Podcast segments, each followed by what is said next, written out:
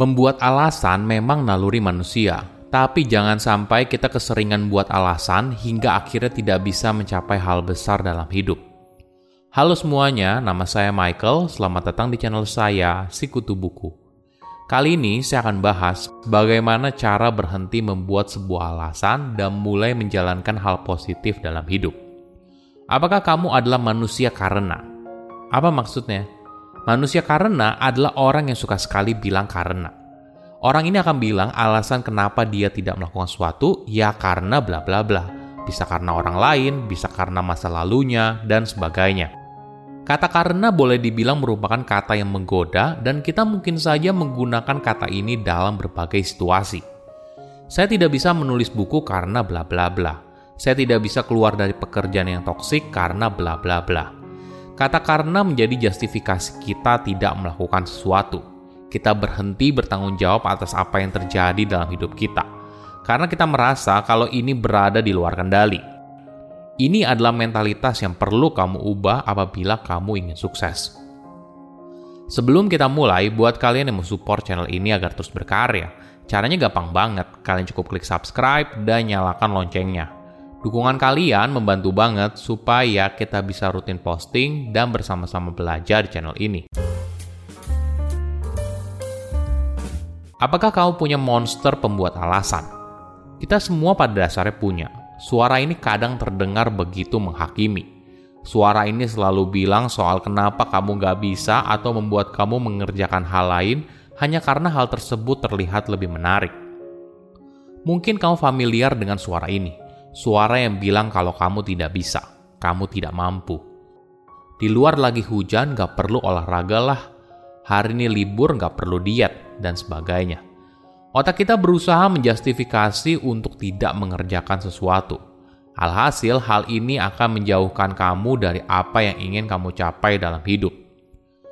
Membuat alasan adalah respon alami manusia kita adalah makhluk sosial dan kita peduli apa yang orang lain katakan karena kita ingin diterima dalam kelompok. Daripada menghadapi percakapan dan perasaan yang tidak nyaman, kita cenderung menghindar dan membuat alasan. Orang yang sering kali membuat alasan mungkin merasa senang sesaat karena menghindari rasa sakit jangka pendek. Tapi dalam jangka panjang, orang ini merasa hidupnya tidak puas dan kadang merasa cemas atau depresi.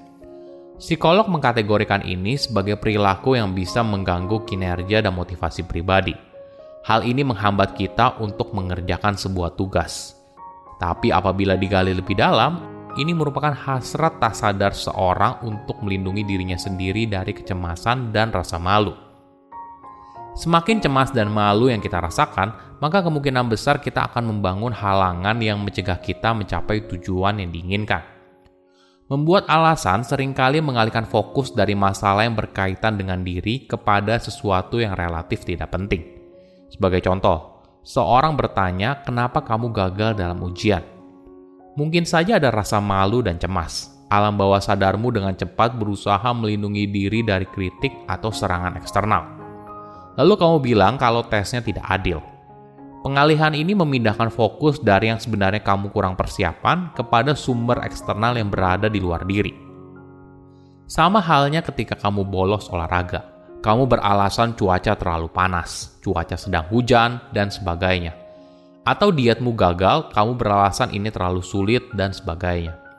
Di satu sisi, ini merupakan mekanisme pertahanan diri.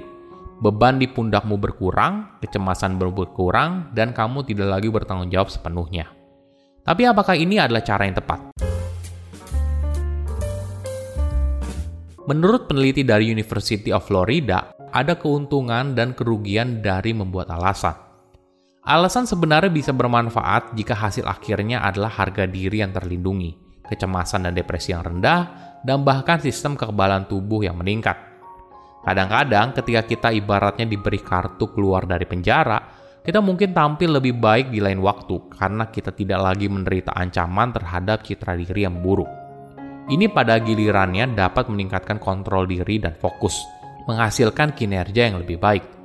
Tetapi agar alasan menjadi baik, alasan itu harus kredibel dan mempertahankan diri dari sebuah tujuan dan simpati bagi pembuat alasan. Tapi jika tidak, alasan ini yang pada akhirnya merusak akuntabilitas seorang, membuat orang lain memandangnya sebagai penipu, tidak efektif, dan mementingkan diri sendiri. Jenis alasan ini seperti berbohong, mengkerdilkan diri dengan bilang kalau dia tidak bisa, atau mengalihkan kesalahan kepada sumber di luar diri. Perlu disadari, merubah kebiasaan memang tidak mudah. Bagi kamu yang terbiasa membuat alasan, mungkin ini sama sulitnya seperti menjaga komitmen dari sebuah resolusi, atau mungkin saja justru lebih sulit. Memang betul, kebiasaan membuat alasan sering kali terjadi di alam bawah sadar tapi apabila kamu ingin keluar dari sebuah kebiasaan, butuh usaha yang sadar. Ada sebuah studi yang menarik. Bagian otak kita yang berhubungan dengan pembentuk sebuah kebiasaan menunjukkan kalau perilaku yang semi otomatis misalnya keceplosan dalam membuat sebuah alasan, itu sebenarnya masih berada dalam kendali. Mungkin kita sering kali membuat alasan dengan berbagai cara. Tapi bagaimana kalau kita bisa fokus pada resolusi besar di awal? Apakah kita ingin menjadi lebih baik dari tahun lalu? Oke, bagaimana caranya untuk berhenti membuat alasan? Pertama, sadari kalau kamu perlu keluar dari zona nyaman.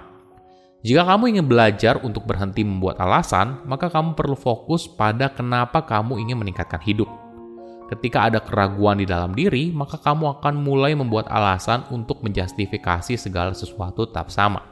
Alhasil, otakmu masuk ke dalam mode kabur atau melawan.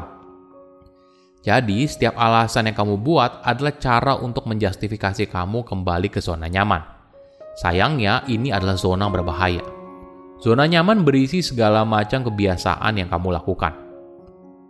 Kamu tidak akan bisa berubah jika kamu hanya fokus di zona ini. Ibarat kata pepatah, sesuatu yang membantu kamu sampai ke titik ini belum tentu akan membantu kamu ke titik selanjutnya.